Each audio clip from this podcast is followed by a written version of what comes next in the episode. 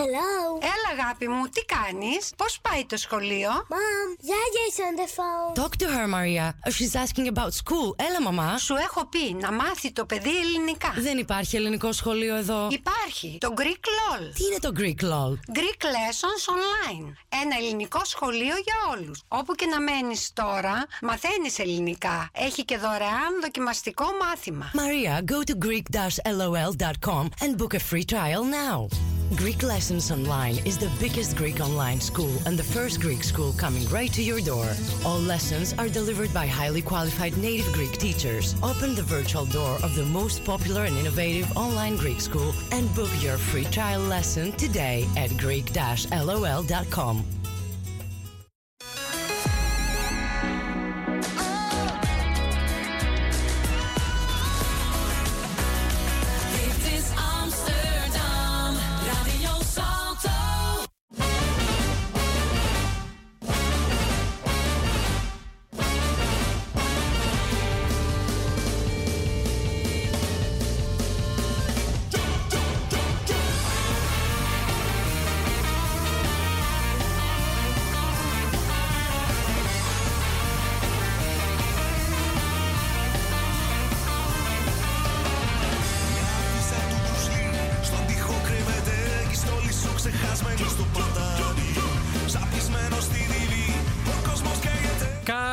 από το Άμστερνταμ. Άλλη μια Πέμπτη είμαστε εδώ πιστοί στο ραντεβού μας. Εσείς, όπου και αν βρίσκεστε, ακούτε ασφαλώς Ελλάς Πίνακας.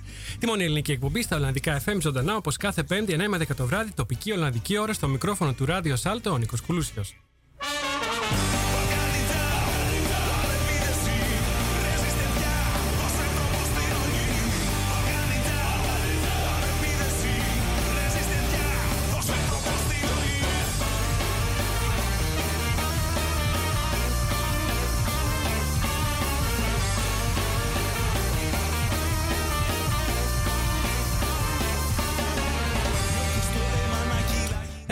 Ε, εκπέμπουμε ζωντανά από το δημοτικό σταθμό του Άμστερνταμ, το Radio Salto. Υπάρχουν αρκετοί τρόποι για να μας ακούσετε live. Αν αγαπάτε το συμβατικό ραδιόφωνο και βρίσκεστε στην περιοχή, στην πόλη του Άμστερνταμ, θα μας βρείτε στο Radio Salto σε 106,8 τον FM και καλωδιακά στο κανάλι 103,3 πάλι και μόνο στην περιοχή του Άμστερνταμ. Ενώ διαδικτυακά μας ακούτε παντού στον κόσμο από το site μας, το hellasπίνακα.com, με ένα κλικ στο κουμπί σε Now.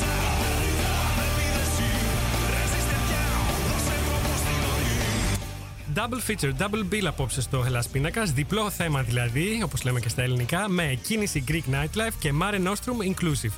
Μαζί μας βρίσκονται οι Βασίλης Κετάκης Λαμπρακάκης και Κωνσταντίνος Ντόντι, η ομάδα από την Ουτρέχτη που οργανώνει ένα ακόμη πάρτι στις 30 Μαρτίου εδώ στο Άμστερνταμ. Ενώ στο δεύτερο μισό της ώρας θα μιλήσουμε με τη Θωμαή και τον Γαβρίλο, τον Γαβρίλο Κοκόνα, για τη μουσική παράσταση Mare Nostrum Inclusive Mediterranean Sounds που ανεβαίνει στις 4 του Απρίλη στην Ουτρέχτη και στις 6 του Απρίλη στο Άμστερνταμ. Double bill απόψε είπαμε στο Ελλάς Πίτακας γιατί τα ωραία πάνε δυο-δυο. Αν είστε χρήστη των social media, θα μας βρείτε σε όλα τα κοινωνικά δίκτυα, στη σελίδα μας σε Facebook, Twitter και Instagram. Ενώ για να επικοινωνήσετε ζωντανά μαζί μας, τώρα live, μπείτε στη σελίδα μας στο Facebook και αποστάρετε εκεί το σχόλιο σας. Ή αν χρησιμοποιείτε Twitter, γράψτε μας μέσω Twitter χρησιμοποιώντας το hashtag Χελασπίντακα. Το κομμάτι που ακούμε, που δίνει μουσικά την έναρξη της εκπομπής κάθε Πέμπτη, ανήκει στους Μπαίλ αλλά λέγεται Balkan Ninja και ευχαριστώ την πάντα που μου το παραχώρησε.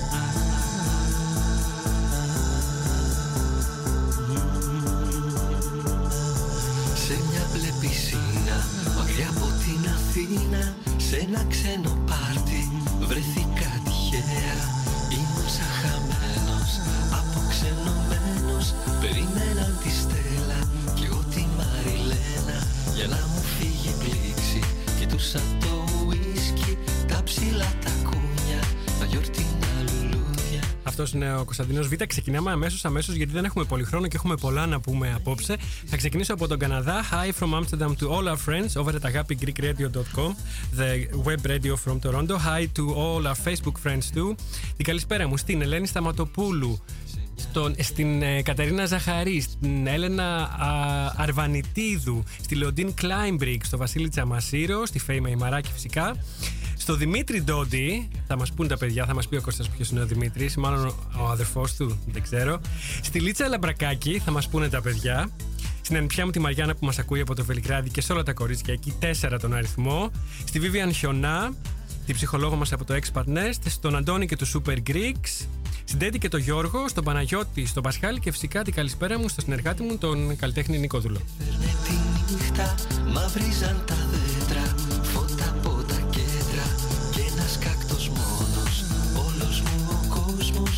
κόσμος γύρω φλιαρία Κακόγουστα αστεία, στο μέτωπο υγρασία Τόση αλαζονία, αμπούλες βοτουλίνης Και όμορφια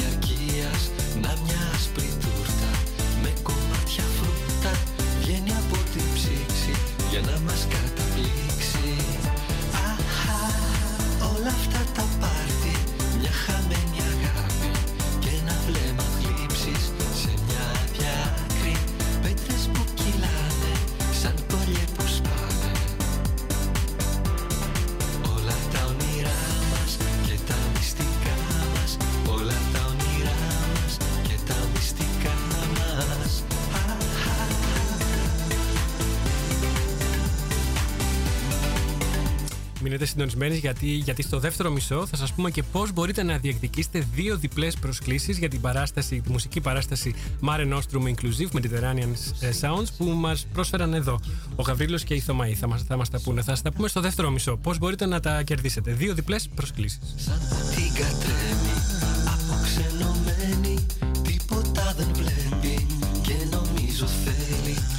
κάτι τελευταίο πριν περάσουμε στους καλεσμένους μας. Όσοι.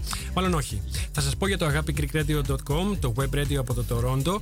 Μας αναμεταδίδει το Ελλάς Πιτακά στην εκπομπή μας μέσω διαδικτύου σε όλο τον πλανήτη ε, κάθε μέρα στη μία το μεσημέρι. Όσοι δηλαδή χάνετε το ζωντανό Ελλάς Πίνακα κάθε πέμπτη βράδυ, μπορείτε να το ακούτε, να ακούτε την εκπομπή και μέσα από το agapigreekradio.com σε ηχογραφημένη φυσικά αναμετάδοση κάθε μέρα στη μία το μεσημέρι. On demand βέβαια, όλες τις παλαιότερες εκπομπές μας μπορείτε να τις ακούτε και μέσα από το site μας elaspindakas.com αλλά και μέσα από το κανάλι μας στο SoundCloud από όπου μπορείτε και να κατεβάζετε όποια εκπομπή θέλετε και να την έχετε στο αρχείο σας.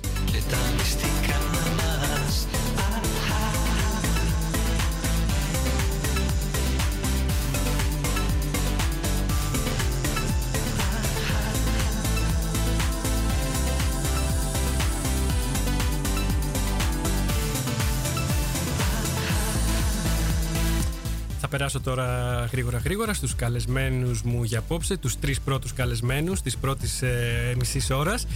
Ε, είναι αρκετοί καλεσμένοι σήμερα, είμαστε, πώς είμαστε, έξι και μία, εφτά που μας περιμένει απ' έξω, κάνει διάλειμμα. Ε, δύο λοιπόν τα θέματα για απόψε, δύο και οι εκδηλώσεις, τα event που λέμε και στα αγγλικά, οι καλλιτεχνικές και μουσικές συνευρέσεις με ελληνικό χρώμα και οι δύο σε Άμστερνταμ και Ουτρέχτη.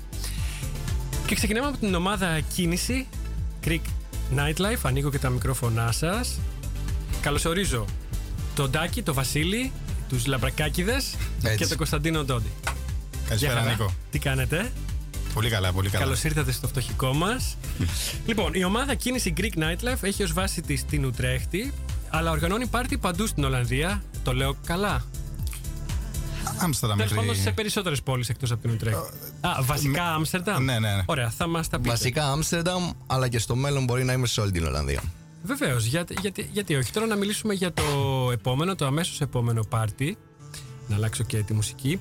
Ε, το οποίο λέγεται Amsterdam X Greek Clubbing. Γίνεται μεθαύριο, 30 Μαρτίου, στο Ακινάτον. Άκνατον. Άκνατον. Άκνατον, μάλιστα, εδώ στο Άμστερνταμ. Εισιτήρια μπορείτε να προμηθευτείτε και από, την, ε, από το site της Eventbrite, αλλά και μέσα από το event του πάρτι στο facebook. Βάλτε, γράψτε κίνηση Greek Nightlife Presents Amsterdam X Greek Clubbing και θα το βρείτε το event. Λοιπόν, ε, πείτε μου καταρχήν, αρχίσω, θα αρχίσω από τα, δε- από τα αδέρφια. Από τον ε, Τάκη και τον Βασίλη. Το Βασίλη και τον Τάκη. Είστε και οι δύο γεννημένοι στην Ολλανδία, αν καταλαβαίνω καλά. Πολύ σωστά. Στην Ουτρέχτη. Είστε very Ουτρέχτιώτες. Πάρα πολύ. Πάρα πολύ. Όλοι και οι τρεις είμαστε Very, έτοιμοι. very. Ωραία. Οι γονείς τώρα από πού κατάγονται, από ποιο μέρος της Ελλάδας; Και αυτό θα έχει ενδιαφέρον να το μάθουμε. Από πάνω από Ρεστιάδα, κοντά Αλεξανδρούπολη, προς τα πάνω. Α, δεν είστε κριτικάκιδε δηλαδή. Όχι, όχι. Το αντι- αντίθετο, στο άλλο άκρο, στο πάνω Ναι. άκρο. Έχουμε μεγάλη αγάπη βέβαια για την Κρήτη, Ναι, ναι, ναι. αλλά είμαστε από τον Εύρο. Ναι, είστε έτσι και σκούρι και μουσάτι. Κριτικά και θα κοίτες, ε. περνούσατε, ναι, για, για, για κριτικάκιδε. Ε, Κωνσταντίνε, οι γονείς, καταγωγή; Ε, βασικά είμαι μισός Έλληνας. Ο πατέρας μου είναι Έλληνας. Αλήθεια; Ναι, και η μητέρα μου είναι Ολλανδέζα. Έλα. Ε, Τρίτης γενιάς και ο πατέρας μου γεννήθηκε εδώ. στην Τρίτης Ολλανδία. γενιάς Ναι. είσαι. Ενώ εσείς οι δύο. Δεύτερη. Τάκης Βασίλης, Δεύτερης. δεύτερης γενιάς Έλληνες. Πολύ ενδιαφέρον. Ε, Πώς ήταν η ζωή μεγαλώντα στην Ολλανδία, Είστε τρεις Έλληνες γεννημένοι εδώ. Ελληνικές ρίζες, τουλάχιστον κατά, κατά το ίμιση ο Κώστας, εσείς οι δύο ε, 100%. 100%. Πώς ήταν, ελληνικά καταρχήν, πού μάθατε, στο σπίτι, πήγατε σε ελληνικό σχολείο, Τάκη, Στο σπίτι μας έμαθαν ελληνικά. ναι. Ε, κάθε Επιμε, Σα... επιμέναν οι γονείς να μάθετε ελληνικά; Επιμέναν και οι γονείς μας δεν ξέρουν καλά Ολλανδικά. και μας έστελναν κάθε Σαββάτο να πηγαίνουμε να μάθουμε ελληνικά. Στο ελληνικό σχολείο; Ελληνικό σχολείο στην Ουτρέχτη. Μμμ. Και πώς ήταν τα πράγματα, Κωνσταντίνε, το ίδιο πρόγραμμα; Όχι, εγώ δεν, ο- εγώ δεν πήγα ποτέ ελληνικό Εσύ τα σχολείο. έμαθες Εγώ σπίτι; βασικά δεν γεννήθηκα, δεν μεγάλωσα στην Ουτρέχτη. Τώρα έχω πέντε χρόνια, αλλά ο πατέρας μου γεννήθηκε στην Ουτρέχτη. Οπότε Ωραία, ωραία. η οικογένεια έχω στην Ουτρέχτη, αλλά εγώ δεν πήγα ποτέ ελληνικό σχολείο.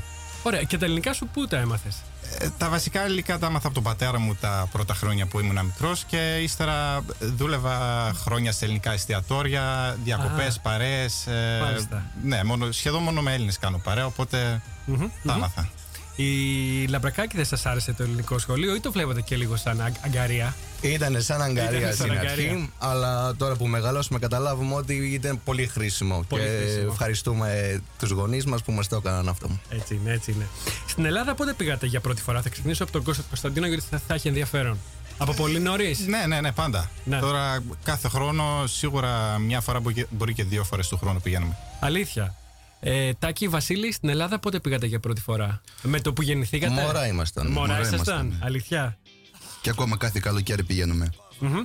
Όταν ε, πάτε Ελλάδα νιώθε, νιώθετε ότι είναι ας πούμε η- ε, το, το σπίτι σας; Αν όχι το πρώτο, το δεύτερο σπίτι σας. ότι Το είναι- δεύτερο σπίτι έτσι ακριβώς. Νιώθετε εσά το σπίτι σας; Ναι. Το δεύτερο 100% ναι. Νιώθετε ότι ανήκετε κάθε φορά που πηγαίνετε στην Ελλάδα; Σίγουρα ότι δεν ανήκετε είναι. εκεί; ε, δε- κοίταξε να πας όταν πάμε εμείς Ελλάδα σαν διακοπές, δεν είναι ο- ο- σαν να πάμε και Ισπανία, Ιταλία διακοπές. Είναι εντελώς. Είναι σαν, σαν να πας στο δεύτερο σου σπίτι και εκεί Ναι. κάνεις διακοπές. Δηλαδή.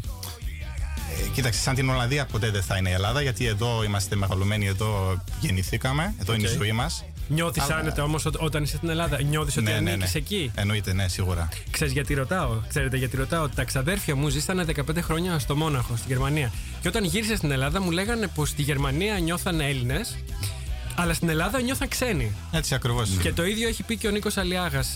Και ο Καζατζίδης το είπε αυτό, ναι. Και ο Καζατζίδη το έχει πει. Το- Συμφωνείτε με αυτό το αίσθημα, έτσι, το ότι. Εγώ συμφωνώ. Ναι, και εγώ. Και εγώ το βλέπω όταν είμαι στην Ελλάδα, με βλέπουν σαν Ολλανδό και εδώ με βλέπουν πάλι σαν Έλληνα. Ακριβώς. Ναι, Και ναι. αυτό δεν θα αλλάξει ποτέ. Δηλαδή, Δεν θα αλλάξει αυτό. Όχι. Ίσως, ίσως αν και είναι η επόμενη μου ερώτηση, ε, αν γυρνούσατε να ζήσετε μόνιμα στην Ελλάδα, αυτό υπάρχει σαν σκέψη; Κάποια στιγμή. να αν επιστρέψετε κερδίζουμε, στην το, Ελλάδα. αν κερδίζουμε το Joker, μήπως. Αλλιώς νομίζω δεν υπάρχει περίπτωση. Και τι θα έκανες, δηλαδή, θα αγο- αγόραζες ένα σπίτι κάπου. Ένα σπίτι σε ένα στη, νησί. στην Πού; παραλία και. Στην παραλία, αυτό. Βασίλη, Ακριβώς το θα, ίδιο. θα πήγαινες στην Ελλάδα; Για να Κάποια ζω. στιγμή. Όταν Μπορεί όταν μεγαλώσεις, γεράσω, μετά τα όταν 50. γεράσω, ναι. ναι, ναι, ναι, ναι.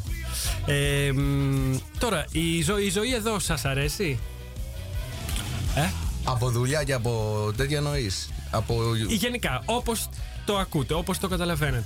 Κοίταξε, εδώ οι δουλειές και η ζωή είναι πολύ διαφορετικά από Ελλάδα. Έχω πολλούς φίλους στην Ελλάδα που ακούμε πώς είναι και από τεχνολογίες και από σχολεία και από διάφορα. Ο Και- Ολλανδικός τρόπος ζωής σου ταιριάζει, Βασίλη; Ε, και ναι και όχι. Ναι. Μ' αρέσει έτσι να έχω μια ρέγουλα στη ζωή μου, αλλά αυτό το ελληνικό το πάμε για καφέ, το χαλαρό, Μάλιστα. και αυτό με ταιριάζει. Κωνσταντίνε. Ναι, Είσαι είναι νομίζω. μοιρασμένος; Τώρα Είσαι που. λίγο- Ε, Κοίταξε, που ζούμε όλος ο χρόνος που είμαστε εδώ Ολλανδία, δεν το πολύ εκτιμάμε. Επειδή ξέρεις, από εδώ είμαστε γεννημένοι. Ναι. Δεν ξέρουμε Ναι. πώς Όταν είναι η πηγαίνεις ζωή. στην Ελλάδα, βλέπεις τη διαφορά. Αυτό Ναι, θες αλλά να μου κοίταξε, πεις. εμείς.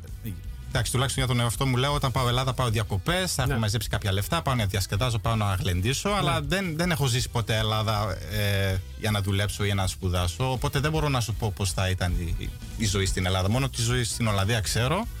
Και εντάξει, ε, βρέχει κάπου κάπου. Από και... αυτά που βλέπεις.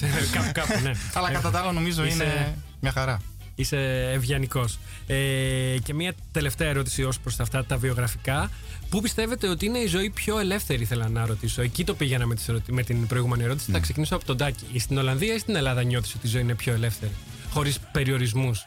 Πιο. Εγώ νομίζω στην Ελλάδα. Ναι. Ακόμα και τώρα; Και, ε, εντάξει, Ολλανδία, αλλά πάλι λίγο Ελλάδα νομίζω. Βασίλη; Εγώ Ελλάδα 100% δεν το συζητάω καθόλου. Ότι υπάρχει ελευθερία πιο πολύ. Και από. Ναι. Πώς θα Ναι. σε εξηγήσω τώρα. Ναι. Ε, πιο χαλαρότητα, πιο άνεση Α, υπάρχει. μάλιστα. Έτσι το αντιλαμβάνεσαι. Κωνσταντίνε; Ναι, και εγώ συμφωνώ με τα παιδιά. Νομίζω και εδώ στην Ολλανδία είμαστε δουλειά σπίτι, δουλειά σπίτι, δουλειά σπίτι. Ένα ρυθμό είναι, δεν αλλάζει αυτό. Μμμ, μμμ. Και στην Ελλάδα είναι αλλιώς τα πράγματα. Στην, Οα- στην Ελλάδα δουλεύουν για να. Πώς το λες, για να ζήσουν, για να ζουν. Και εμείς εδώ ζούμε για να δουλέψουμε. Α, έτσι το νιώθεις. Το σημειώνω και αυτό. Θωμαή, συμφωνείς; Σε βλέπω και χαμογελάς και κουνάς και το κεφάλι. Ε, λοιπόν, τώρα να περάσουμε λίγο στη μουσική και σε αυτό που κάνετε σιγά σιγά. Θέλω να ρωτήσω κάτι, να ξεκινήσω να το πιάσω από την αρχή. Πότε πήγατε στο πρώτο σας κλαμπ, αν θυμάστε; Και τι ήταν αυτό; Τι, ποιο ήταν το πρώτο πάρτι που πήγατε, έτσι, οργανωμένο πάρτι; Βασίλη, σε βλέπω είσαι έτοιμος. Ναι, σκέφτομαι τώρα πότε ήταν, αλλά πρέπει να ήταν στην Ελλάδα γύρω στα 15-16 Αλήθεια, στην Ελλάδα. χρονών. Με τον αδερφό μου βέβαια. Ναι, Αλλιώς δεν πάω πουθενά. ήταν στην Ελλάδα. Θυμάσαι και πού. Α, ποιο; στην Αλεξανδρούπολη. Στην Αλεξανδρούπολη. Στην έτσι. Αλεξανδρούπολη. Κωνσταντίνε, θυμάσαι που ήταν το πρώτο σου πάρτι. Πάντως δεν ήταν στην Ελλάδα. Στην Ολλανδία ήταν τώρα που ακριβώς δεν θυμάμαι, αλλά νομίζω ήμουν κι εγώ 15 χρονών. Τα πάρτι ήταν ε, άνω από 16 ετών, αλλά εμείς μπήκαμε λίγο πιο νωρίς. Σας είχε ξυπνήσει, σας είχε μπει η ιδέα από τότε να περάσετε και στην, ε, στη διοργάνωση, ας πούμε, να κάνετε κάτι ανάλογο δικό σας κάποια στιγμή; Τότε, τότε όχι ακόμα. Όχι Τώρα ακόμα. τελευταία μας μπήκε. Πότε βγήκε η ιδέα, πότε, ποιος είχε την πρωταρχική ιδέα να ξεκινήσετε την κίνηση, κίνηση Greek ε, Nightlife. Ε, εγώ σπούδασα marketing και events Μάλιστα. και είπα. Από σένα ξεκίνησε. αν από κατάλαβα. μένα, ναι. Από τον, από τον Τάκη. Ο, ο Τάκης μιλάει. Έχει σημασία γιατί ο κόσμος δεν μας βλέπει. Ναι, και ναι, ναι. μόνο οι γονείς σας αυτοί που σας γνωρίζουν α, α, μπορούν να καταλάβουν ποιος μιλάει κάθε στιγμή. Ε, από τον Τάκη άρα ξεκίνησε η ιδέα. Ναι. Ε, τι θέλετε να πετύχετε με τα πάρτι αυτά, Ποιος είναι ο σκοπός σας, Τι θέλετε στο τέλος τέλος; Εμείς απλά θέλουμε να. Οι Έλληνες, οι, νέο, οι νέοι Έλληνες της Ολλανδίας, Ναι. Για να έχουν κάπου να βγουν λίγο ελληνικό στυλ. Δηλαδή να, να έχουν κάπου να διασκεδάσουν με, Μάλιστα. με ελληνική μουσική. Να, ναι, όπως είναι στην Ελλάδα, ας πούμε. Όπως είναι στην Ελλάδα, τα νυχτερινά κέντρα. Ναι. Εννοείς. Ε, δεν υπάρχουν ε, νυχτερινά κέντρα. Έχω ακούσει ότι η Ουτρέχτη μόνο έχει, Έχει, ναι. νυχτερινά κέντρα Στην με Οτρέχτη ελληνική μουσική. υπάρχουν. Στο Αμsterdam όμως που έχουν πιο συγκεντρωθεί φοιτητές και άλλοι που έχουν έρθει από Ελλάδα. Ναι. Δεν υπήρχε κάτι. Δεν Δεν υπήρχε ακόμα. Ε, να ρωτήσω, κάν- ε, κάνετε και πρωινές δουλειές παράλληλα με αυτό, με, την, ε, με τα πάρτι; Ε, Όταν εννοείς πρωινές δουλειές; δηλαδή έχετε και κάτι άλλο από το οποίο Ναι, ναι, ναι, εννοείται. ε, βγάζετε χρήματα και ζείτε στην, στην ουσία; Ε; με, τι, με, τι- με, τι, με τι ασχολείστε στη ζωή Ναι, ναι, σας; ναι. Αυτό θέλω να ρωτήσω. Εγώ έχω μια Βασίλη, επιχείρηση που φτιάχνω κεριά. Αλήθεια. Χεροποιεί τα κεριά σόγιας. Τα πηγαίνω σε εστιατόρια και ξενοδοχεία σε όλη την Ολλανδία.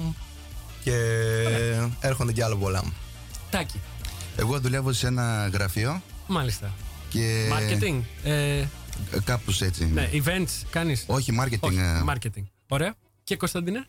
Εγώ και εγώ δουλ- ε, δουλεύω σε γραφείο στο Άμστερνταμ, στο Zuid, στο Deloitte. Λέγεται η εταιρεία, είναι μια λο- λογιστική εταιρεία και εκεί είμαι. Γνωστή, γνωστή. Ναι, Γνωστή. φασ- ε, facility manager. Νομίζω στα ελληνικά λέγεται διαχειριστής εγκαταστάσεων. Μάλιστα. Άρα, ε, η ερώτηση είναι πώς βρεθήκατε τελικά και φτιάξατε αυτή. Ε, ή γνωριζόσασταν και πριν και από πριν; Ναι, είμαστε Από φιλαράκια παλιά. από, Αχα. Δεν Από πήγατε μικρά. μαζί σχολείο όμως, κάπου στην Ουτρέχτη. Όχι, στο σχολείο δεν στην πήγαμε Ουτρέχτη, μαζί. όχι. Εντάξει, τον αδερφό μου, εγώ τον γνωρίζω από Άλλο μικρό. αυτό, άλλο Σαν αυτό, αδερφό άλλο τον αυτό. έχω. Ενώ οι δύο με τον ε, Κωνσταντίνο. Με τον Κώστα από μικρά ήμασταν και στη γειτονιά και μάλιστα. γνωριζόμασταν. Ναι, το Α, ξέρετε. είστε- Συνήθω ήσασταν είναι πιο γειτονιά. κλειστή κοινωνία από Έλληνες. Είναι. Ναι. Είναι μικρή. Ναι.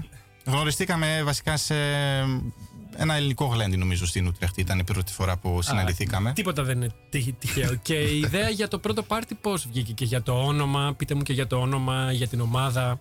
Για το όνομα, καλή ερώτηση. Ε, Την βασικά το- αρχή, την αρχή του όλου πράγματος θέλω να ακούσω. Πώς ξεκίνησε; Ε, νομίζω από, από τον Τάκη, ναι, από, από τον Τάκη και εμένα. Απλά ήμασταν στην Ουτρέχτη και λέγαμε ε, θα μας άρεσε να κάνουμε κι εμείς κάτι για τους Έλληνες. Αυτό αφού είχαν έρθει οι Έλληνες με την κρίση ή και από πριν; Και γενικά νομίζω μας αρέσει να ε, διοργανώνουμε Πότε έγινε εκδηλώσεις. το πρώτο πάρτι; Πότε έγινε το πρώτο πάρτι; Ε, κοίταξε, Μετά το 10, ας πούμε.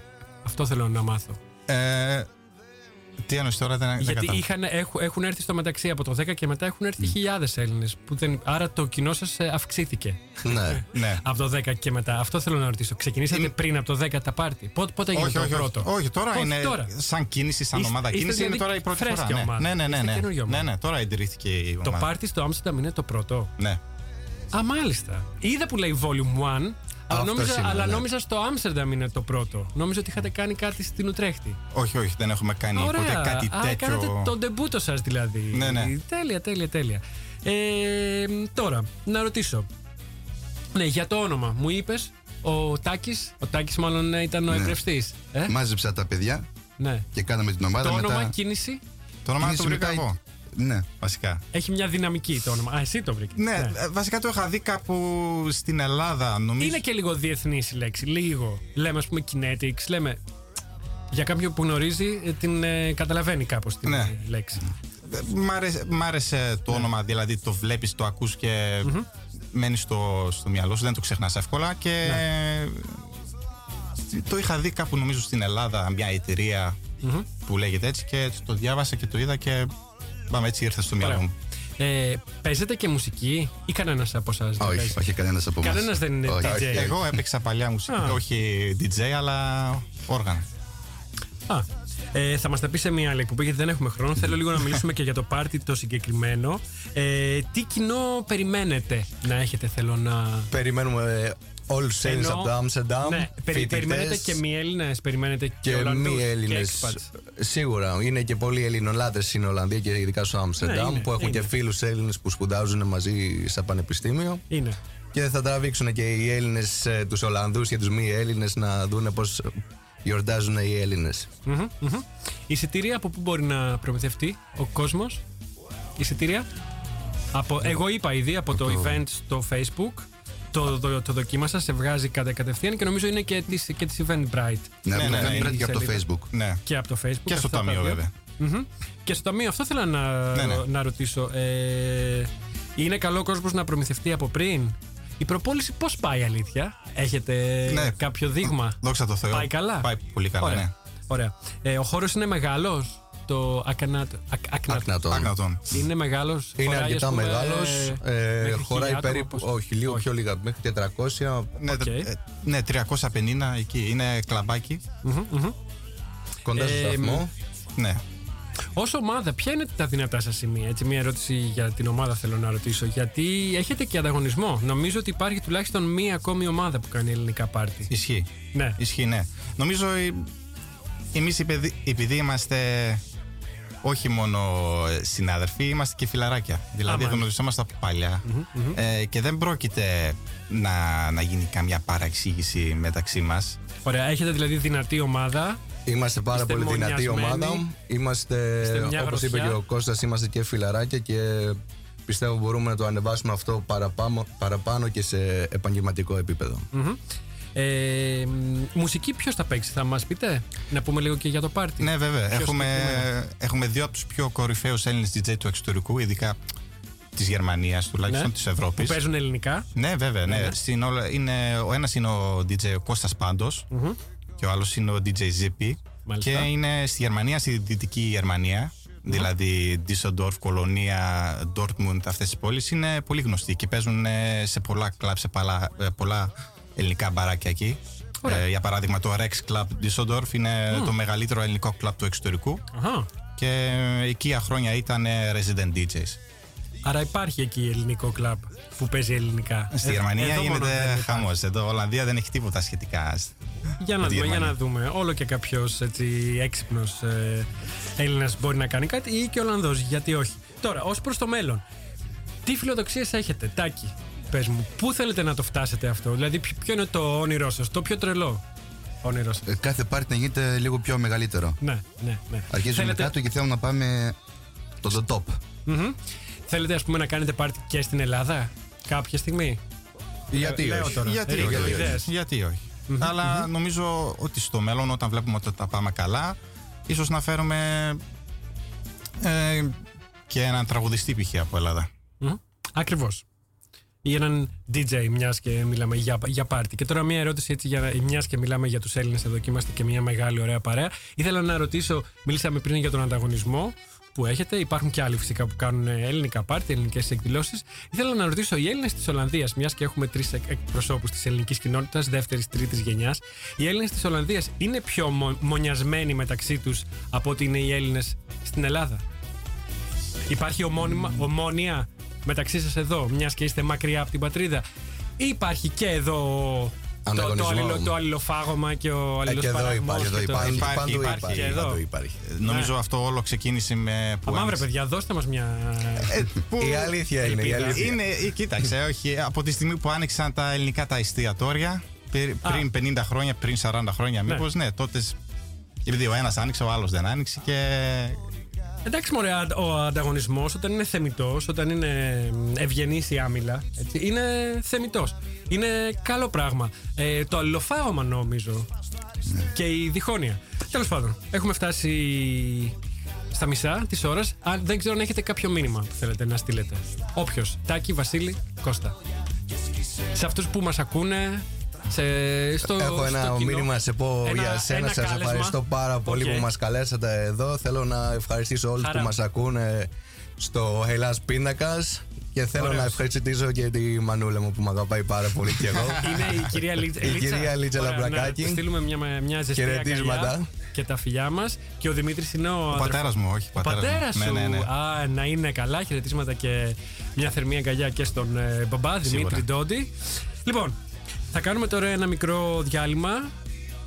Να ακούσουμε λίγη μουσική και θα επανέλθουμε με την ε, Θωμαή Διαμαντή και τον Γαβρίλο Κοκόνα για να μιλήσουμε για τη μουσική παράσταση Mare Nostrum Inclusive Mediterranean Sounds που ανεβαίνει στις 4 του Απρίλη στην Ουτρέχτη και στις 6 του Απρίλη στο Άμστερνταμ. Η παράσταση στις 30 του Μάρτη είναι outverkocht, sold out, έτσι, για να ξέρουμε και τι λέμε.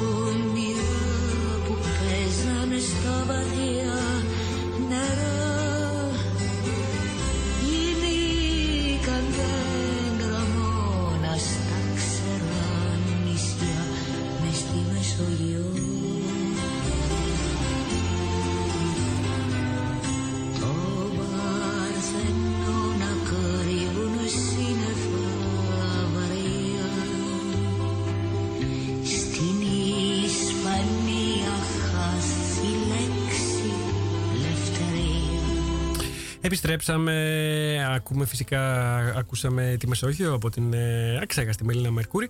Ε, double bill απόψε στο Ελλάς Πίτακας, διπλό θέμα δηλαδή, γιατί τα ωραία πάνε δυο-δυο. Ξεκινήσαμε με την ομάδα κίνηση Greek Nightlife. Μιλήσαμε με τον Βασίλη και τον Τάκη Λαμπρακάκη και τον ε, Κώστα Ντόντι για το πρώτο πάρτι τους στο Άμστερνταμ. Είναι το Amsterdam X Greek Clubbing που θα γίνει μεθαύριο στις 30 Μαρτίου στο Άκνατον εδώ στο Άμστερνταμ. Και τώρα θα μιλήσουμε με την Θωμαή Διαμαντή και τον Γαβρίλο Κοκόνα. Ανε- Ανεβάζω και τα μικρόφωνά σας. Καλησπέρα. Καλησπέρα. Γεια Τι καλά, κάνετε; καλησπέρα. Ο Γαβρίλος μόλις ήρθε από την Ελλάδα, Γαβρίλο; Όχι από Λονδίνο ήρθα. Α, από Λονδίνο. Α, θα μας τα πεις. Λοιπόν, είναι εδώ για να μιλήσουμε για τη μουσική παράσταση Mare Nostrum Inclusive Mediterranean Sounds που ανεβαίνει στις 4 του Απρίλη στην Ουτρέχτη και στις 6 του ίδιου μήνα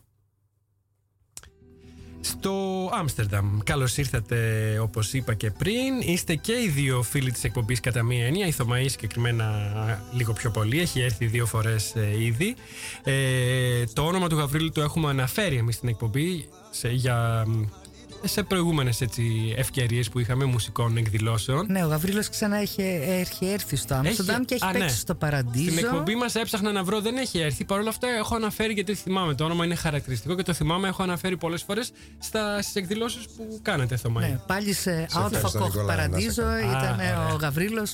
Στα καλύτερα, στα καλύτερα. Λοιπόν, ε, να σας υπενθυμίσω εδώ ότι η εκπομπή, ε, και ευχαριστώ για την προσφορά τη Θωμαή και το Stichting Μαρμούσα, ποιο να Stichting ευχαριστήσω θα, Marmousa. θα μας τα πεις μετά. Ε, ως εκπομπή θα δώσουμε δύο διπλές προσκλήσεις για τους ακροατές μας για την παράσταση εδώ στο Άμστερνταμ, στο Podium Mosaic. Όποιος ενδιαφέρεται για τις δύο διπλές προσκλήσεις για την παράσταση Mare Nostrum Inclusive, 6 Απρίλη εδώ στο Άμστερνταμ μπορεί να στείλει ένα email στο hellaspinakasπαπάκι.gmail.com είναι το email της εκπομπής με το όνομα, το επίθετο και το τηλέφωνό του. Οι δύο γρηγορότεροι, αυτοί που θα στείλουν πρώτη email, θα πάρουν τις διπλές προσκλήσεις. Λοιπόν, να πούμε λίγο ε, εντάχει τα βιογραφικά, να τα βγάλουμε από την ε, μέση. Ε, οπα. Κάτι έχασα. Λοιπόν, θα ξεκινήσω από το Γαβρίλο. Έρχεσαι από το Λονδίνο. Πες μας τι έκανες στο Λονδίνο, το Γαβρίλο. Ε, πρώτα πρώτα θέλω να πω μια ζεστή καλησπέρα σε όλους τους Έλληνες και τους Ολλανδούς φίλους που μας ακούνε. Στο Λονδίνο πήγα για να δω την κορούλα μου που μένει εκεί. Α. Ήθελα να το συνδυάσω δηλαδή. Σπουδάζει; Ερχόμενος, ό, όχι δουλεύει. Μάλιστα. Ερχόμενος ε, στο Άμστερνταμ, να περάσω πρώτα από Λονδίνο και να έρθω μετά εδώ. Βέβαια, τις αποσκευές μου με τον ε, υπέροχο αέρα της Μεσογείου και, της, ε, και του Αιγαίου Πελάγους δεν τις ε, άνοιξα στο Λονδίνο. Α. Τις φυλάω να τις ανοίξω Έτσι, εδώ. έτσι. Θα ανοίξεις και θα μοσχοβολήσει. Θυμάρι. Ναι. Ε, έρχεσαι συχνά στην ε, Ολλανδία; Είναι η δεύτερη φορά. Είναι η δεύτερη φορά που ήρθες Δεύτερη και πάλι για να εμφανιστείς, για να παίξεις, για να τραγουδήσεις Ναι, σε και κάποια εκδήλωση. θέλω να ευχαριστήσω τους υπεύθυνους και του Παραντήσο και των άλλων ε, διοργανώσεων που γίνονται για την ε, μεγάλη τιμή που μου κάνουν. Όπως ευχαριστώ και το στα- ραδιοφωνικό σταθμό το δικό σας. Να Είναι είσαι καλά. τιμή για μένα να έρθω να μιλήσω στους Βεβαίως. φίλους του, στα- του σταθμού. Και δική μας. Ε, η καταγωγή σου από πού είναι, Γαβρίλε; Η καταγωγή μου είναι από Θάσο, Έλα. ναι, Βόρεια Ελλάδα. Μμ. Ναι. Είναι η πρώτη φορά που ακούω το, νη- το συγκεκριμένο νησί ως απάντηση. Έχουν περάσει πολλοί Έλληνες από εδώ. Συνήθως είναι συγκεκριμένα μέρη, πόλεις ή και κάποια νησιά. Κρήτη, ας πούμε, πάρα πολύ. Θάσο δεν έχω ξανακούσει. Είπαμε Είσαι ο ε, πρώτος. Aegean Project. έτσι, έτσι, έτσι. έτσι. Ακριβώς. Ε, μ, τώρα, πες μας ακριβώς τι θα κάνεις στην παράσταση. Θα παίξεις μουσική και θα τραγουδήσεις. Ναι. Μαζί με μια μεγάλη ομάδα μουσικών, Ναι, όχι μόνο Ελλήνων, ναι. Αλλά και Τούρκων, Ολλανδών και Παλαιστινίων. Ε, Είναι πολύ μεγάλη ομάδα. Θα ρωτήσω τη Θωμαή. Ναι. Γι' αυτά. Ε, θα παίξουμε τραγούδια της Μεσογείου Μμμ. ε, και φυσικά του Αιγαίου. Ε, του χώρου δηλαδή όπου έχουμε επηρεασμούς από την αραβική μουσική. Ναι. Ε, βέβαια χωρίς να χάσουν ε, την εθνική τους ταυτότητα οι μουσικές και τα τραγούδια αυτά θα δούμε ότι έχουν όμορφες επιρροές από το αραβικό στοιχείο όπως έχει άλλωστε και η αρχιτεκτονική της Μεσογείου ή και η μαγειρική ακόμα που θα μπορούσα να πω. Έτσι και είναι ο πολιτισμός, δεν είναι; Αυτό είναι ο πολιτισμός. Οι επιρροές δεν είναι που κάνουν το σμίξιμο εν τέλει να είναι πετύ- πετυχημένο όταν ε, μουσική από διαφορετικές χώρες, φαινομενικά διαφορετικές χώρες, που όμως έχουν κοινές μουσικές, ας πούμε, ρίζες, θα λέγαμε, ή κοινά μουσικά στη- στοιχεία, ε, σμίγουν και το αποτέλεσμα, το αποτέλεσμα μ, είναι αυτό που είναι γιατί ακριβώς υπάρχουν από πίσω οι επιρροές αυτές. Ας πούμε και η ελληνική μουσική έχει, έχει επηρεαστεί αρκε- αρκετά και από, και από την τουρκική κουλτούρα και μουσική και από την υπόλοιπη Μεσόγειο και αντίστροφα φυσικά. Βέβαια. Ε; βέβαια. Και, Ναι. και η τουρκική μουσική έχει επηρεαστεί από Ναι, την ναι, αραβική. και το αντίστροφο. έτσι. φυσικά. Α, και από την αραβική, ναι. ναι. Βέβαια. Βέβαια, Ε, βέβαια, βέβαια. Και στη σύγχρονη τώρα εποχή, ακόμα και οι Τούρκοι, τα μακάμια που χρησιμοποιούν, οι ορολογίες που χρησιμοποιούν είναι αραβικές. Ναι. Όπως και στην Ελλάδα. Ακόμα Ναι. και κάποια όργανα μουσικά. Όπως; Όπως το λαούτο, το ούτι, το οποίο ούτι προέρχεται από την αραβική λέξη ούτ, που σημαίνει ξύλο.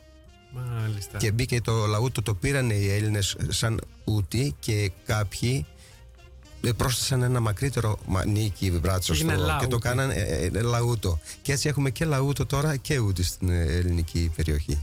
Μμμ. Πάρα πολύ ενδιαφέροντα αυτά που μας λέει ο, Γα, ο Γαβρίλος. Ε, Θωμαή, νομίζω ότι τα βιογραφικά τα έχουμε πει αρκετές φορές. Ένα μόνο πράγμα θέλω να σε ρωτήσω. Αν νιώθεις ότι είσαι πια μόνιμα εγκατεστημένη στην Ολλανδία ή αν αφήνεις ένα ανοιχτό παραθυράκι για το μέλλον να γυρίσεις στην Ελλάδα. Αυτό μόνο θέλω να... να- Ε, να- Μόνιμος κάτοικος Ολλανδίας είμαι και Ολλανδέζα. Είμαι, έχω Ολλανδικό διαβατήριο, είμαι 30 χρόνια εδώ πέρα. Ναι. Ο άντρας Στα μου- χαρτιά όμως. Ο άντρας Η μου είναι καρδιά σου Ολλανδός. τι λέω, θέλω, θέλω να... Η καρδιά σου τι λέει, θέλω να μου πεις. Ο άντρας μου Ναι. είναι Ολλανδός. Μιλάει και είναι όμως αυτή τη ελληνικά. στιγμή εδώ που είναι Ναι. από το Ο- Παραντίζο. Ο, ο, ο Πίτερ. Ο Πίτερ, ο οποίος βασικά από το μεράκι του Πίτερ βρισκόμαστε σήμερα εδώ και ο Γαβρίλος και όλοι, γιατί τους άκουσε στη Θάσο Ναι. και είπε: Μα πρέπει να έρθουν να παίξουν στο Παραντίζο. Και μετά ο Γαβρίλος οργάνωσε το, ένα από τα καλύτερα βιολιά της Ελλάδος να έρθει, ο Κυριάκος ο Πετράς, θα μας πεις για τους μουσικούς που θα έρθουν και έκανε το σχήμα, δηλαδή ξεκινάει. Και ο Πέιτερ θέλει να γυρίσει στην Ελλάδα. Ο άντρας μου ο Ολλανδός θέλει πιο πολύ από μένα αύριο να ζήσει στην Ελλάδα. Αυτή είναι η... Μάλιστα. Μάλιστα. Ε, θα περάσουμε. Εσύ μας έβαλες κατευθείαν στο πνεύμα του Μάρε Nostrum. Αλλά καλά έκανες γιατί δεν έχουμε και πολύ χρόνο και πρέπει να ξεκινήσουμε. Λοιπόν, να μιλήσουμε για την εκδήλωση, για την παράσταση αυτή καθεαυτή. Ε, μ, πες μας ο ρόλος ο δικός σου, αν θέλεις το Μαΐ, ποιος είναι, για να μπούμε έτσι και στο θέμα του Stichting Μαρ, Μαρμούσα. Και... Το Stichting Μαρμούσα, Ναι. ο, ο Πέιτερ δουλεύει στο Stichting Παραντίζο και Μάλιστα. για το Stichting Μαρμούσα, το Μάλιστα. οποίο το Stichting Μαρμούσα είναι ένα ίδρυμα που εκπροσ- ε, διοργανώνει εκδηλώσεις από τα μένα Λόντα, Middle East και North Africa. Μάλιστα. Εμ, και συνεργάζονται, κάνει αυτό το άνοιγμα στη Μεσόγειο γιατί η Ελλάδα έχει και αυτή τη στρατηγική θέση. Δηλαδή είναι, αυτή, είναι ακριβώς η Ελλάδα που συνδέει και την Αφρική και την, ε, το Middle East. Είναι ακριβώς ο συνδετικός κρίκος Μμμ, μμμ. και έτσι ξεκινήσαμε και η ιδέα αυτής της εκδήλωσης να ενωθούμε όλοι μαζί. Ε, ε, Συν τις άλλες εγώ εκπροσωπώ και το Ίδρυμα Νεοελληνικών Σπουδών όπου και το Ίδρυμα Νεοελληνικών Σπουδών είναι στη διοργάνωση ε, και, ε, το μόνο που είναι ότι είναι δύο διοργανώσεις. Στις 4 απριλιου είναι το Aegean Project όπου θα μας πει ο Γαβρίλος παραπέρα τι θα είναι το πρόγραμμα. Ναι. Και στις 6 Απριλίου είναι πολύ πιο πλατή όπου το μισό θα είναι όχι το Aegean Project αλλά θα παίξει το ίδιο σχήμα και θα είναι νομίζω πιο ρεμπέτικο ε, το δεύτερο αν δεν κάνω Α, λάθος έτσι δεν ναι. είχαμε πει Έτσι. δηλαδή στις 6 Απριλίου στο, ε, ε, στο πόντιο Mosaic το δεύτερο κομμάτι, το πρώτο κομμάτι θα είναι ένα ταξίδι το οποίο θα ξεκινάει από Ισπανία, Μαρόκο, Ιταλία και θα καταλήγει στην Ελλάδα στο ρεμπέτικο Καλά τα λέω Γαβρίλη, Μμμ. συμφωνείς; Έτσι είναι. Ε, και στις 4 Απριλίου στην Ουτρέχτη ε, περιμένουμε ακόμα ε, όσοι θέλουν να πάρουν γρήγορα ειστήρια γιατί έχουμε μάθει ότι έχουμε ακόμα 15-20 ειστήρια να πουληθούν αλλιώς ξεπουλιέται και η Ουτρέχτη. Ε, εκεί πέρα θα είναι το Aegean Project όπου θα είναι ε, τραγούδια από το Αιγαίο και ρεμπέτικα βέβαια αλλά και από το Αιγαίο και ποιο θα μας πει για το πρόγραμμα ο Γαβρίλος Άρα, αν, καλύτερα. αν καταλαβαίνω καλά, ε, το project Mare Nostrum ε, αλλάζει, εξελίσσεται κάποια, ε, κάθε φορά, ε, εστιάζοντας σε διαφορετικό γεωγραφικό χώρο λίγο περισσότερο; Ε, όχι, προσπαθούμε να βρούμε τα κοινά συνδετικά. Δηλαδή, παραδείγματος Ναι, χάρη, έχουμε απλά- βρει ένα τραγούδι το οποίο είναι, ξεκινά από τους Σεφαρδίτες Ισπανούς Μάλιστα την, ε, το Σαββάτο στο Podium Mozaïek θα είναι και η διδάκτορ του Πανεπιστημίου Μαρία Μπολέξη. η Θα σε οποία ρωτήσω, θα σε Α, ρωτήσω. Θα σε ρωτήσω συγκε- συγκεκριμένα για το πρόγραμμα. Το έχω Οκ. έτσι χωρίσει Ναι. σε, σε παραγράφους. Απλά λίγο ήθελα να, να μου πεις αν εστιάζεται σε κάθε παράσταση σε ένα διαφορετικό χώρο ή σε διαφορετικές περιοχές. Α πούμε, μίλησες για το ένα είναι το The The Aegean Project και το άλλο είναι πιο γενικό Mediterranean ε, Ε, Sound. ε, το άλλο θα είναι και το Aegean Project Ναι. μέσα, Ναι. αλλά και το Mediterranean Sound, όπου θα είναι Ιταλία, Ισπανία, Μαρόκο. Μμμ. Το inclusive τι σημαίνει; Στον inclusive, τίτλο; inclusive σημαίνει Ότι ότι, θα έχετε υπάρχουν, αγκαλιάσει αγκαλιάζει και Όσο ότι, περισσότερους. Και ότι παραδείγματος χάρη ένα τραγούδι του Γαβρίλου Ναι. θα, μας το, θα το τραγουδήσουμε και στα αραβικά και στα. ε, γίνονται- και έχει μεταφραστεί, έχουν γίνει τέτοιες ζυμώσεις. Τράμπες και ζυμώσεις. Όπως και ένα τραγούδι από τα ε, πορτο, ε, πορτογαλ- πορτογαλέζικα έχει μεταφραστεί στα ελληνικά και έχει κάνει ο Γαβρίλος Δηλαδή θα υπάρχουν και τέτοιες ζυμώσεις, δηλαδή και καινούρια. Μμμ. Μμμ. Μιας και είμαστε στο, στο θέμα, πες μας, ε, Γαβρίλο, πώς το, πώς το κρίνεις εσύ το πρόγραμμα; Υπάρχει ισορροπία και ποια είναι αυτή η ισορροπία του; Ε, νομίζω ότι προγράμματος. η Θωμαή Του μουσικού, έτσι, γιατί τα άλλα θα τα πούμε. ξεδίπλωσε Ναι, ναι. πάρα πολύ ισορροπημένα Ναι, την ναι. ισορροπία αυτή. Ναι, ναι, ναι, ναι, ναι. Και είναι ακριβώς όπως τα είπε. Ναι. Ε, το πράγμα εξελίσσεται με αποκορύφωση στις 6 του μηνός που θα Θα ενωθούν όλα τα κομμάτια όλες σε ένα μεγάλο event. Έτσι, οι μεσογειακές δυνάμεις Ναι, ναι, ναι, ναι, για ναι, το ναι. αποτέλεσμα το τελικό. Ναι, ναι, ναι. Ε, θα είναι κάτι το μαγικό Ναι. και θα έλεγα όλους τους φίλους να έρθουν όσοι προλάβουν να έρθουν να απολαύσουν τις βραδιές αυτές γιατί πιστεύω ότι θα είναι μοναδικές. Ωραία. 15 μουσική θα Ναι, είναι στο θέλεις Podium να, Mozaïek. αφού το ανέφερες τώρα, θέλουμε, έχουμε τη, λί- τη λίστα. Μπορούμε να τους αναφέρουμε. Ε, Τουλάχιστον. Θα περάσει η ώρα να πούμε όλα τα Οκ, ονόματα, να οκ. πούμε τα μεγάλα Έχουμε ένα ονόματα. τέταρτο. Έχουμε Α, ένα- έχουμε. Έχουμε Ε, ένα τέταρτο. Έχουμε ε, ώρα. να Να, με- πούμε τα μεγάλα και τα μικρά, όσα θέλετε. Ε, τ- καταρχήν από το GM Project είναι, Ναι. ο, Γα- είναι ο Γαβρίλος, Ναι. ο Κυριάκος Πετράς. ε, ο Κυριάκος Πετράς από τα καλύτερα βιολιά, παραδοσιακά βιολιά στην Ελλάδα Ωραία. Ε, ο Γιάννης ο Καδόγλου, ο οποίος είχε έρθει ένα από τα καλύτερα μπουζούκια και μαθ, ήταν μαθητής από 7 χρονών νομίζω έτσι, Έτσι, έτσι, του Γαβρίλου ελπίζουμε, ναι. ε, ο Σάκης ο Μίτκας, ο οποίος είναι γνωστός, ο οποίος είχε το, τρία, το τρίο Πέριξ εδώ στην Ολλανδία και ζούσε χρόνια, αλλά τώρα έχει- τον έχουμε χάσει στην Ελλάδα. Αλλά Ναι. το φέρνουμε γιατί δεν μπορούμε να τον αποχωριστούμε. Ναι.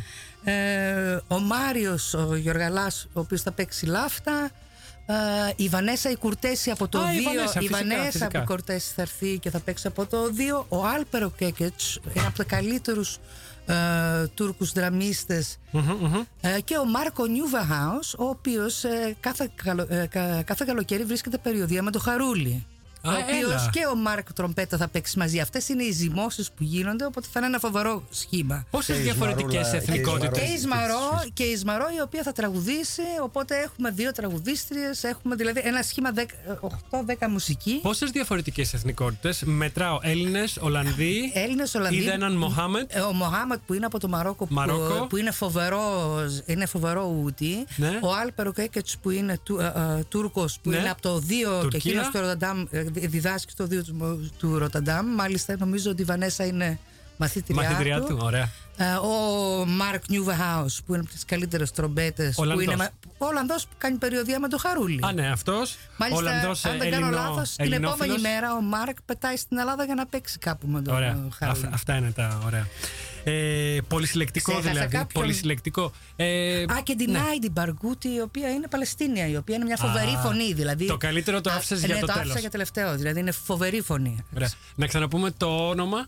Νάι Μπαργκούτη. Νάι Μπαργκούτη. Και ωραίο όνομα. Ε, το κοινό ποιο περιμένετε να είναι; Και ναι. το Ροτζέριο Φυσικά, ξέχασα. φυσικά. Βέβαια, ο οποίος το οργανώνει Ό,τι αυτά. σας έρθει. Συγγνώμη, ο Να τα Ροτζέριο. πούμε, Ο να Ροτζέριο πούμε. Μπικούντο, ο οποίος Ναι. οργανώνει Από το πού μη είναι; ελληνικό σχήμα, ο οποίος είναι από τη Βραζιλία. Έλα. Αλλά έχει σπουδάσει η Ισπανία Μάλιστα. και κάνει το, το κομμάτι Ισπανία-Πορτογαλία. Ευρωπαίος δηλαδή Βραζιλιάνος. Είναι 30 χρόνια 40 στην Ολλανδία, δηλαδή είναι μισός Ολλανδός. Ωραία. Τώρα, τι κοινό περιμένετε ε, να έρθει; Θέλω να πω, περιμένετε. Ε, πεί- πείτε μου εσείς, ε, τι, η πλειοψηφία να είναι Ολλανδοί; Όχι. ε, Στο, πιστεύω Από ότι στο, το προηγούμενα. παραδείζο που έχει ξεπουληθεί θα είναι πιο πολύ ελληνικό κοινό ή μισό-μισό. Ναι. Α, στις 6 Απριλίου θα είναι πιο κοινό, είναι, είναι πολύ πιο ανοιχτό, πιο Ναι. πολλές χώρες από τη Μεσόγειο πιστεύω ότι θα είναι ε, το κοινό πολύχρωμο. Μμμ, μμμ. Ε, τώρα, το μήνυμα της παράστασης, αν υπάρχει έτσι, σχηματοποιημένο ή έτσι όπως το νιώθετε εσείς, ε, ποιο είναι; Αναφερθήκαμε και πριν... ε, μ, αλλά τώρα αποκτά έτσι ένα ιδιαίτερο νόημα έχοντας μιλήσει και για το μουσικό στίγμα της παράστασης που ενώνει διαφορετικούς λαούς. Ε, ποιο, ποιο θα μπορούσε να είναι το μήνυμα της παράστασης, ότι ας πούμε οι λαοί της Μεσογείου έχουν κοινή ιστορία άρα και κοινό μέλλον; Ότι πρέπει να φερθούμε λίγο πιο ανθρωπινά στους πρόσφυγες που περνάνε Όλα από αυτά- τη μία ακτή στην άλλη. Όλα αυτά είναι μηνύματα. Αλλά Ναι. παραδείγματος χάρη ένα μήνυμα φέτος το καλοκαίρι. Ήμασταν στο Γαβρίλο πάνω στις Μαριές στη Θάσο. Ναι. Και εκεί πέρα ήρθαν δύο Τούρκοι φίλοι του Γαβρίλου Ναι, και αυτά περάσαμε είναι. ένα μαγικό βράδυ. Μμ. Αυτά είναι η μουσική ενώνει τους ανθρώπους. Ναι, ναι, ναι, ναι. Ε, τι είναι αυτό που ενώνει μουσικά τους ανθρώπους; Είναι το είδος της μουσικής; Είναι τα λόγια; Τι είναι αυτό τελικά που ενώνει; Ε; Να πω εγώ. Να, να πω, θα σας προβοκάρω τώρα λίγο. Αν η μουσική πραγματικά εν, ένωνε τους ανθρώπους, γιατί δεν έχει επιτελέσει το έργο της όλα αυτά τα χρόνια; Ενδιαφέρον είναι να έρθει κάποιος με, αυτή- Ναι. με αυτό το ερώτημα Ναι. στις 6 ώρα να δει το ντοκιμαντάρ της Α, της ναι, μπράβο. Πίβα. Το οποίο αφήνει ερωτήσεις και κάνει ερωτήματα. Ε, Είναι ε, Who's this song? Whose is this song? Σε ποιον ανήκει αυτό το τραγούδι; Ο- το οποίο δείχνει από ένα τραγούδι το οποίο ε, ε, υ- υ- υπάρχει στην Ελλάδα, στην Τουρκία, στα Βαλκάνια.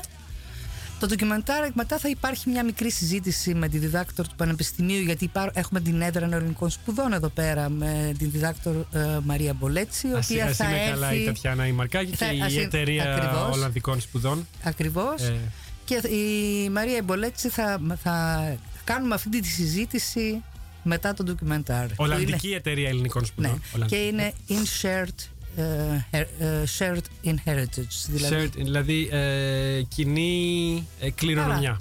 Είναι κληρονομιά.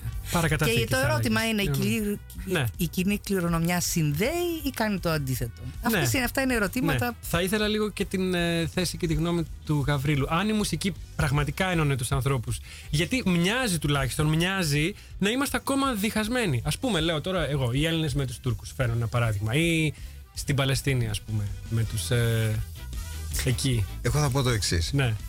Θα ξεκινήσω λίγο ανάποδα. Ναι. Αν δηλαδή προσπαθήσουμε να σκεφτούμε τη ζωή μας χωρίς μουσική, πώς θα ήταν; Θα ήταν ακόμα χειρότερα. Αυτό Λοιπόν, θες να μας πεις. Η μουσική διδάσκει. Διδάσκει πώς πρέπει να ζουν οι άνθρωποι. Άρα δεν το έχουμε μάθει το μάθημά μας ακόμα; Ε, Το έχουμε μάθει, αλλά δυστυχώς η εποχή μας κατά πολύ εξαρτάται από, από τις μεγάλες αποφάσεις μεγάλων Ναι. κέντρων. Ναι, ναι. Όπου Γιατί βλέπουμε και οι πολύ προτεραιότητες- ρατσισμό, Γαβρίλο, βλέπουμε και πολύ εθνικισμό. Αυτό θέλω Έτσι, να πω. έτσι Γιατί η μουσική ακριβώς. δεν κατάφερε να γιατρέψει ως έναν βαθμό αυτά τα πάθη και ακόμα υπάρχουν και φουντώνουν. Γιατί όσοι ανεβαίνουν στην εξουσία ξεχνάνε το. Ναι, ναι, ναι, ναι. ναι. Αυτό, αυτή είναι η, η απάντηση μάλλον. Λοιπόν, θα κάνω τώρα μία ερώτηση και στους πέντε σας. Ετοιμαστείτε. Οι τρεις εδώ της κίνησης θα μοιραστούν ένα μικρόφωνο. Δεν ξέρω πόσο εύκολο είναι αυτό. Ήθελα να ρωτήσω θα- και θα ξεκινήσω από τη Θωμαή και τον Γαβρίλο. Αν θα πηγαίνατε σε ένα ελληνικό πάρτι όπως αυτό που οργανώνουν τα παιδιά της κίνησης. Δεν θέλεις σκέψη το Μάη. Greek clubbing. Την ίδια στιγμή. Ε; Μόλις το μαθαίναμε κατευθείαν. Βέβαια, Αλήθεια; Βέβαια. Φυσικά. Ωραία. Είναι όμως ελληνική μουσική με beat. Με ηλεκτρονικό, σε ηλεκτρονικό remix. Ε, Ακούτε τα πάντα; Σαν εμπειρία θα πηγαίναμε να Θα ακούσουμε, ναι, πηγαίνετε. βέβαια. Ωραία. Αν αναφέρεσαι στη διαφορά ηλικίας, δεν, δεν νομίζω. Όχι, ότι δεν μίλησα χρειάζεται. για ηλικία. Μίλησα, μίλησα μόνο για τη μουσική. Νομίζω ότι θα το καταφέρουμε. Θέλω να δω πόσο πραγματικά ενώνει η μουσική σε όλα της τα είδη. Έτσι. Ε, τώρα, Βασίλη, θα πήγαινες στο Mare Nostrum; Με αυτά που έχω Να ακούσει ακούσεις. σίγουρα. Σίγουρα. Τι σε εγωιτεύει, Τα- Τάκη, σε μια έτσι τε, συναυλία, συνέβρεση που έχει τόσα πολλά διαφορετικά χρώματα που στην ουσία δεν είναι και πολύ διαφορετικά. Σμίγουνε μεταξύ τους. Τι είναι αυτό που θα σε έκανε να πας, αν πήγαινες; Να Η ακούσω, μουσική- ναι, η να ακούσω μουσική, μια Ο διαφορετική. διαφορετικός κόσμος; Και ο κόσμος και η μουσική. Ναι. Γιατί δεν το ακούω καθημερινά. Ναι. Θέλω να πάω να δω και πώς είναι Μμμ. η δικιά Κωνσταντίν. τους ε, έκθεση. Κωνσταντίνε, βρίσκεις ότι ε, μ, εδώ τουλάχιστον στην Ολλανδία διαφορετικές ομάδες όπως ας πούμε οι Τούρκοι δεύτερης γενιάς, οι Έλληνες δεύτερης γενιάς, οι Μαροκινοί δεύτερης γενιάς έχουν ε, συνειδητοποιήσει ότι είναι πάνω κάτω στην ίδια βάρκα. Ότι έχουν ένα κοινό, μία κοινή μοίρα. Ή ο καθένας νομίζει ότι είναι καλύτερος από τον άλλον και τραβάει ο καθένας διαφορετικό δρόμο; Όχι, δεν πιστεύω. νομίζω έχει. Νομίζω, Δύσκολο σου ο- βάζω τώρα, και- δύσκολο ναι, σου βάζω. λίγο δύσκολη ερώτηση, αλλά νομίζω όλοι μας. Ρατσισμός υπάρχει ανάμεσα στις διάφορες εθνοτικές ομάδες. Α πούμε, Όχι. οι Τούρκοι έχουν ε, ρατσισμό απέναντι στους Έλληνες ή οι Έλληνες απέναντι στους Τούρκους; Εδώ εννοώ. Ε, για εδώ. Ρατσισμό είναι μεγάλη λέξη, δεν νομίζω. όχι; Εχθρότητα, ε, ξέρω λίγο, εγώ. αλλά πιο πολύ, Υπάρχει λίγο. νομ- πιο πολύ νομίζω έτσι σαν χαβαλέ. Δηλαδή, εγώ στο δημοτικό σχολείο σαν και χαβαλέ. στο γυμνάσιο, ε, πιο πολύ με τους Τούρκους και με τους Μαροκινούς έκανα παρέα παρά τους Ολλανδούς. Επειδή όλοι μαζί νιώσαμε ότι είμαστε. Κάτι Εμείς κοινό. όλοι δεν Είχα- ήμασταν είχατε- Ολλανδοί, είχατε κατάλαβες; κάτι κοινό, ναι. Του- τουλάχιστον ότι Επίσης, δεν ήσασταν- ε, Νικόλα, Ναι, ναι, με- ναι. από προσωπική εμπειρία, Ναι, ναι. ε, επειδή έχω πολλούς φίλους από την Τουρκία, όποτε πάω στην Τουρκία και παίζω, ε, ε, γίνονται πράγματα μαγικά και αξέχαστα. Το έχω ζήσει και εγώ. αυτό. Έτσι. Το ίδιο συμβαίνει και στην Ελλάδα με Τούρκους φίλους που έρχονται στην Ελλάδα. Είναι κάτι το απίστευτο. Να πω κάτι εγώ. Γιατί Βέβαια, είναι- βεβαίως. υπάρχει μεγάλη διαφορά, νομίζω. Ε, δεν ισχύει μόνο για τους Τούρκους, ισχύει νομίζω και για τους Έλληνες και για τους Μαροκινούς, αλλά υπάρχει μεγάλη διαφορά από τους Τούρκους που είναι στη Τουρκία και αυτοί που είναι εδώ. Και επίσης και με εμάς είναι το ίδιο πράγμα. Με τους Έλληνες της Ελλάδας και οι Έλληνες της Ολλανδίας υπάρχει μεγάλη διαφορά. Γιατί οι υπάρχει, δικοί μας ήρθαν πριν 50 χρόνια εδώ Έτσι είναι. και έχουν άλλο σκέψιμο. Μμμ, μμμ. Ε, άρα θα πήγαινες σε ένα event που θα είχε μουσικούς από διαφορετικές χώρες. Εννοείται. Ε, όπως. Εννοείται. Ναι. Ακούω και στο σπίτι κάπου, κάπου αραβική μουσική, τουρκική μουσική, γιατί όχι. Ωραία. Ε, τώρα, θα ήθελα. Έχουν μείνει γύρω στα 5,5 λεπτά. Θα ήθελα να στήσω από τον Γαβρίλο, αν θέλει και νιώθει άνετα, να μας ε, τραγουδήσει a καπέλα ένα ρεφρέν από κάποιο από τα κομμάτια που ετοιμάζει για ε, τις 6 του Απρίλη. αν θα ήθελε. Θα χαμηλώσω Ε, τη μουσική, το χαλί μας. Ναι. Ε, θα ήθελα να κλείσω με δύο λέξεις. Βεβαίως. Ε, η, αυτή η μουσική έχει σαν στόχο όσοι νοσταλγούν τη Μεσόγειο και το Αιγαίο είτε επειδή έχουν πάει είτε επειδή έχουν ακούσει να έρθουν να δουν τις παραστάσεις μας. Από εκεί και πέρα θες να σου τραγουδήσω κάτι. Ένα Ναι. ρεφρέν, ένα στιχάκι, δύο ε, σειρές, δύο γραμμές από ένα τραγούδι ε, από αυτά που ετοιμάζεις για το πρόγραμμα. Ε, ναι, θα πω λίγο από ένα παραδοσιακό κομμάτι. Ναι. Ε, το Μενεξέδες και Ζουμπούλια. Ωραία. Το οποίο ξεκινάει ως εξής.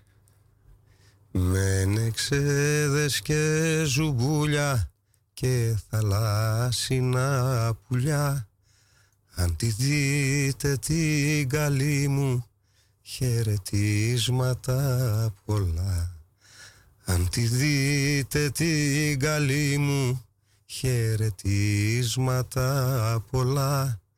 Μενεξέδες και ζουμπούλια και θαλάσσινα πουλιά. Ει βάλα, ει βάλα, ω, πάμε γυαλό, γυαλό. Ει βάλα, ει βάλα, ω, μόνο εσένα αγαπώ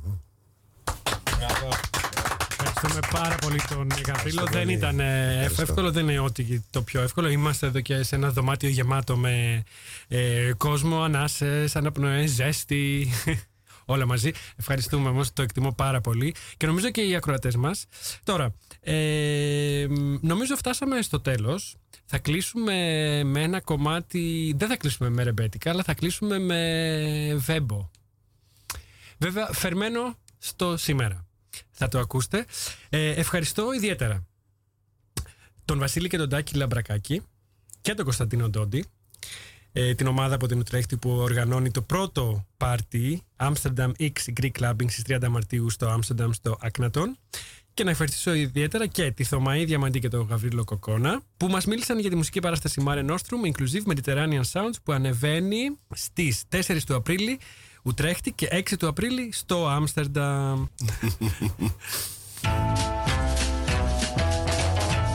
Εμείς κάπου εδώ σας λέμε Χούιεναχτ και ανανεώνουμε το ραντεβού μας για την επόμενη Πέμπτη, πάντα σε 9 το βράδυ, εδώ στο Radio Salto.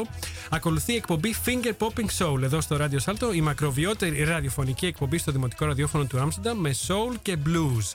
Μέχρι την επόμενη Πέμπτη να είστε καλά και να περνάτε ακόμα καλύτερα. Καλό Παρασκευό Σαββατοκύριακο σε όλους. Το follow and care. Do do it. Γεια σου Νικόλα. Podcast